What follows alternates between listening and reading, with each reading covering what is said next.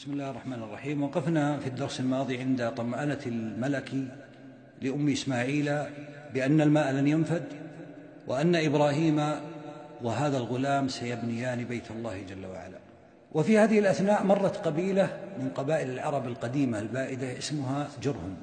مروا بجوارهم في منطقة يقال لها كداء وهي الآن من أحياء مكة كما ذكرنا. فرأوا طائرا عائفا أي طائرا في السماء يدور. فتعجبوا من ذلك وقالوا لا نعلم أنها هنا ماء. فأرسلوا رجلا أو رجلين إلى هذا المكان فعاد هذا الرجل وأخبرهم أنها هنا ماء. فلما جاءوا إليه وجدوا هاجر ومعها غلامها والماء عندها. فاستأذنوها أن يبقوا عندها. كانت العرب تبحث عن الماء. وكان أصل الحياة عند العرب فأذنت وأن يبقى الماء ملكا لها. فرضوا ثم بدأوا يأتون بأهاليهم حتى اجتمعت البيوت حول هاجر. وهنا أيضا لفتة عجيبة وهي قول ابن عباس عن أمنا هاجر أن ذلك لقي في نفسها محبة وكانت تحب الأنس أو الإنس بمعنى أنها لا تحب الوحشة وأن تكون لوحدها في هذه الصحراء وليس عندها أحد فأحبت أن يجتمع الناس عندها ويبقى الماء ملكا لها. أرسل الجرهميون إلى أبنائهم وأهاليهم فجاءوا فنشأ وشب الغلام أي إسماعيل شب بينهم فنطق العربية وتكلم بها فكان أول من فتق الله لسانه بالعربية المبينة. جرهم كانوا يتكلمون العربية ولكن إسماعيل وهذا قد جاء في حديث حسنه بعض أهل العلم أنه أول من فتق الله لسانه بالعربية.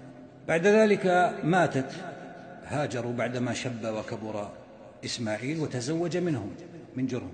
فجاء أبوه إبراهيم عليه الصلاة والسلام فلم يجد إسماعيل ووجد زوجته فسأل عنه فقالت خرج يبتغي لنا أي يطلب لنا الرزق.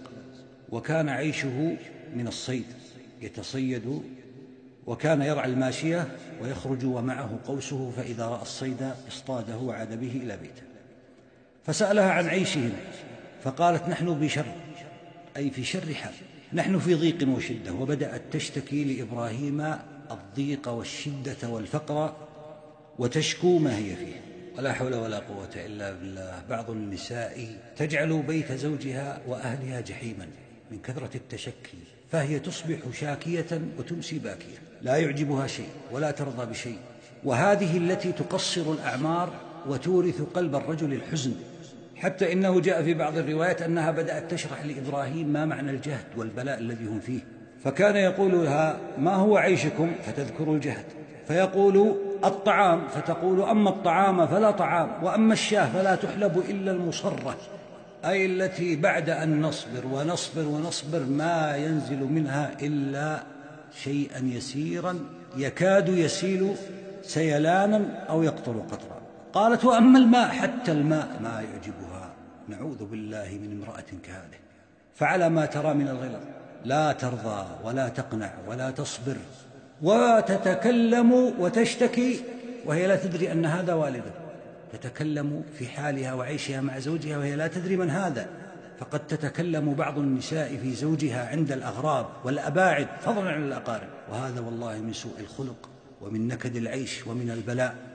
فيجب على المسلمة أن تكون أهلا للصبر وأهلا للحلم وأهلا للتحمل والستر فإن هذا من البلاء الذي يجب على كل مسلم ومسلمة أن يفطن إلى مثل ذلك وأن يحمد الله على ما عنده. فقال إذا جاء زوجك يقول إبراهيم لها فأقرئيه السلام وقولي له يغير عتبة داره. فجاء إسماعيل فكأنه أنس شيئا أحس بأن أحدا جاء.